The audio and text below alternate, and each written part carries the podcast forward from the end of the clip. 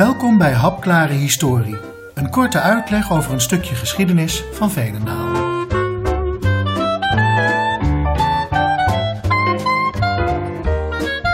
Deze lezing gaat over de teloorgang van de fabrieken in de jaren 70 en 80.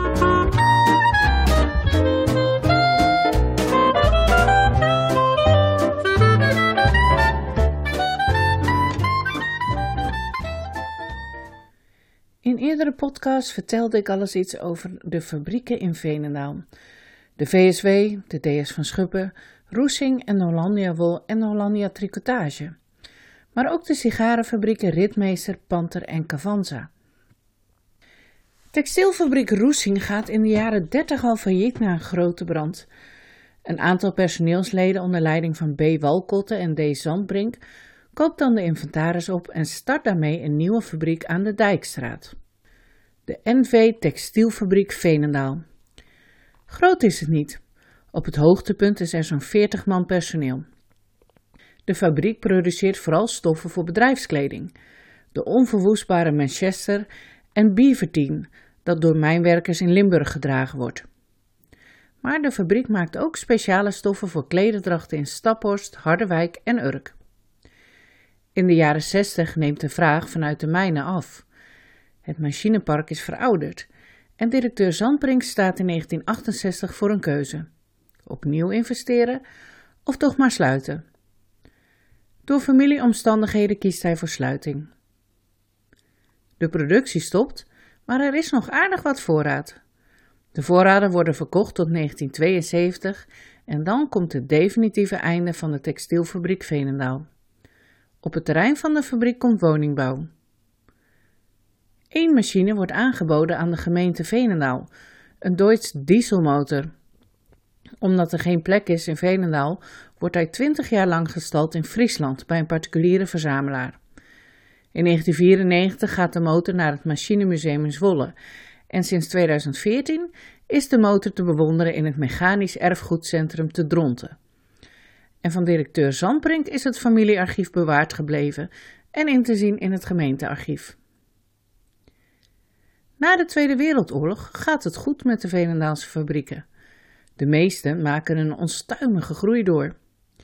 In de jaren 50 ligt de werkloosheid op een historisch lage 2%. Maar tegelijkertijd neemt de loonvoet in die tijd met 7% per jaar toe. De groei zet zich aan het begin van de jaren 60 nog even door. Er ontstaat, net als in de rest van het land, een tekort aan arbeidskrachten. Daarom verschijnen in 1964 de eerste gastarbeiders in Venendaal. Het zijn Spanjaarden en die gaan aan het werk bij de ritmeester. En al gauw volgen ook de textielfabrieken. Tegelijkertijd is ook een kentering zichtbaar. De PAV aan de Vijgendam gaat een samenwerking aan met een textielfabriek te Culemborg onder de naam Textielunie Spencer Heij. Rond 1965 wordt de productie helemaal overgebracht naar Culemborg en in 1970 gaat de fabriek failliet. De Frisia en de Hollandia worden overgenomen door Kloos en Leembrugge te Leiden. Het voormalige Frisia-complex aan de Kerkenwijk wordt verkocht aan de VSW. Al het personeel gaat over naar de Hollandia. De VSV wordt eind jaren 60 zelf overgenomen door het Engelse Staflex. De loonstijgingen, waar ik het eerder over had, mogen niet doorberekend worden in de prijs. En met de introductie van de vijfdaagse werkweek daalt ook nog eens de productie. Daarnaast neemt de concurrentie van lage lonenlanden toe. In de tweede helft van de jaren 60 stagneert de vraag naar wol en garens en daar voelt Hollandia Frisia de gevolgen van. Er werd werktijdverkorting aangevraagd. Het bedrijf sukkelt nog een aantal jaren door. In 1978 valt de doek voor het Leidse moederbedrijf en daarmee moet ook de Hollandia Tricotage de deuren sluiten. 200 mensen staan op straat. In hetzelfde jaar vraagt ook de VSW uitstel van betaling aan, na het faillissement van het Engelse moederbedrijf. De directie vraagt de overheid om in te grijpen, omdat het ontslag van nog eens 227 mensen de werkgelegenheid ernstig in gevaar zou brengen. Maar de overheid ziet Veenendaal nog niet als probleemgebied en daarom wordt in maart 1979 het faillissement van de VSW uitgesproken. En in diezelfde week vraagt ook de Hollandia Wol uitstel van betaling aan.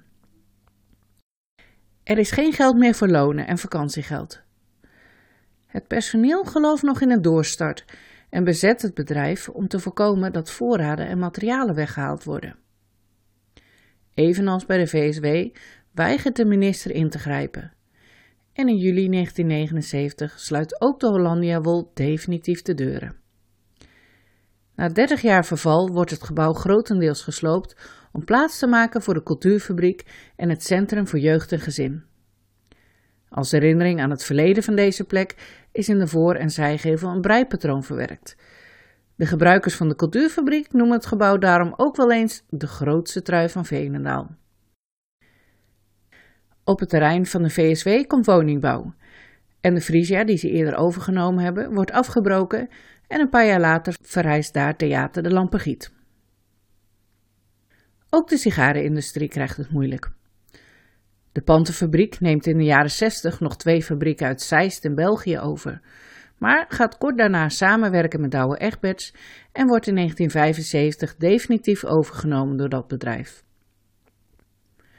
De vraag naar sigaren neemt steeds verder af en Panta draait dan ook steeds meer verlies. Het aantal arbeidsplaatsen loopt steeds verder terug, van 375 naar 260 naar 125. Begin jaren 80 wordt de fabriek verkocht aan Agio en daarmee verdwijnt de productie uit Veenendaal. Het gebouw wordt gesloopt en op het terrein worden woningen gebouwd.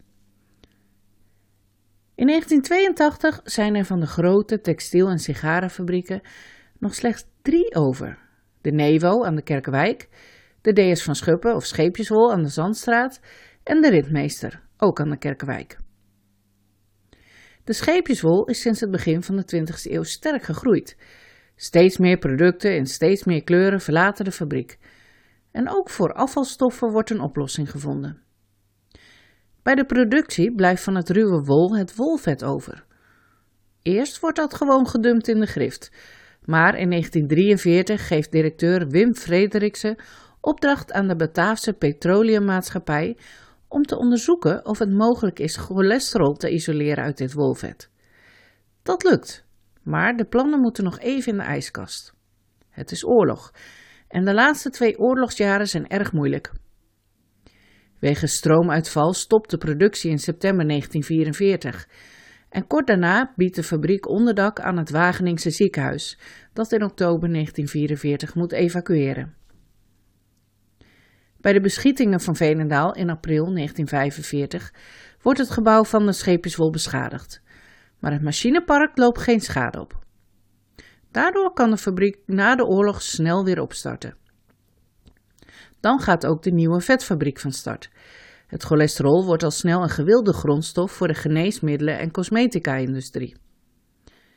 Mede door dit succes kan de DS verder uitbreiden. En vanaf 1949 mag het bedrijf zelfs het predicaat koninklijk voeren. De volledige naam luidt dan de NV Koninklijke Weduwe DS van Schuppen en Zoon Sayet en Vijfschachtfabriek Veenendaal. Een hele mond vol. Daarom noemt iedereen het natuurlijk kortweg de DS of de scheepjeswol. In de jaren 50 ontstaan er echter conflicten in de directie van de scheepjeswol. Die directieleden zijn allemaal familie van elkaar en dat gaat niet zo goed. Als gevolg daarvan wordt de invloed van de familie in de komende jaren steeds verder teruggebracht. De vetfabriek wordt in 1969 verkocht aan Philips Dufar. En kort daarna begint duidelijk te worden dat het niet goed gaat met de scheepswol. Begin jaren 70 verliest het bedrijf meer dan de helft van het Nederlandse marktaandeel. Om zich aan te passen aan de veranderende omstandigheden wordt het Creatief Centrum opgericht, dat textiel handvaardigheidscursussen geeft en exposities van textielkunst organiseert. Om de markt beter te bedienen gaat men kant-en-klare handwerkpakketten verkopen en ook richt het bedrijf zich meer op de Europese markt. Uiteindelijk is dat allemaal niet voldoende. Er komt steeds meer wol uit lage lonenlanden en de ingezette koers van specialisatie, creativiteit en service blijkt niet voldoende te zijn. In de tweede helft van 1978 besluit de directie over te gaan tot productieverlaging. Het jaarverslag van dat jaar noemt daarnaast stijgende energiekosten, inflatie, rentekostenstijging, prijsverhogingen van grondstof en hulpmiddelen en stijgende personeelskosten. Na dat moeilijke jaar, waarin dus ook de VSW en Hollandia failliet gaan, sukkelt het bedrijf toch nog een paar jaar voort. Maar dan breekt tot overmaat van ramp op maandag 9 januari 1984 brand uit in een van de magazijnen. Als gevolg hiervan ontstaan er uitleveringsproblemen en de orders lopen terug. Begin 1987 is de scheepjeswolf feitelijk failliet. De Leidse wolspinnerij aan de Kerkenwijk, de vroegere Newo, neemt het bedrijf dan nog over, maar een jaar later gaat deze zelf ook failliet, waarmee het laatste Nederlandse bedrijf in Breigares verdwijnt. Al dus een krant uit die dagen. De merknamen Scheepjeswol en Neveda worden overgenomen door een importeur, te Tinalo, en leven op die manier voort. Die zijn vandaag de dag nog steeds te koop. De beide fabrieken gaan tegen de vlakte om plaats te maken voor een winkelcentrum en woningbouw. Na het verdwijnen van de scheepjeswol en de Newo blijft alleen de ritmeester nog over. Daarvan wordt de productie in 2005 ook overgebracht naar lage landen. En in 2007 sluit ook het kantoor de deuren. Het monumentale kantoorgebouw uit 1912 biedt inmiddels onderdak aan verschillende creatieve bedrijven. De rest van het fabriekscomplex staat grotendeels leeg. Er zijn plannen voor herontwikkeling, maar vanwege de hoogspanningslijn die over het complex loopt, is dat nog niet zo eenvoudig. Gelukkig is het niet alleen maar kommer en kwel wat de fabrieken betreft. De vetfabriek van de scheepjeswol, Philips Dufar, wordt overgenomen door Solvay, nog later door Dishman. En tegenwoordig opereert het bedrijf onder de naam Carbogen Amsys. En tot op de dag van vandaag produceert de fabriek grondstoffen voor de cosmetica-industrie uit wolvet. Ook de Lantor, het vroegere Viret, ooit opgericht door de VSW en later onderdeel van Hollandia, is een overblijfsel van de textielindustrie. Zij produceren zogenaamde non-wovens, dat is textiel dat niet geweven is.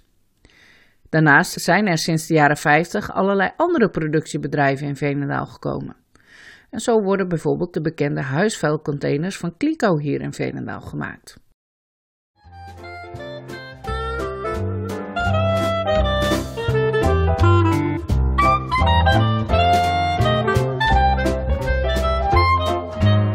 Bedankt voor het luisteren. Wil je meer ontdekken over de geschiedenis van Veenendaal? Ga naar gemeentearchief.venendaal.nl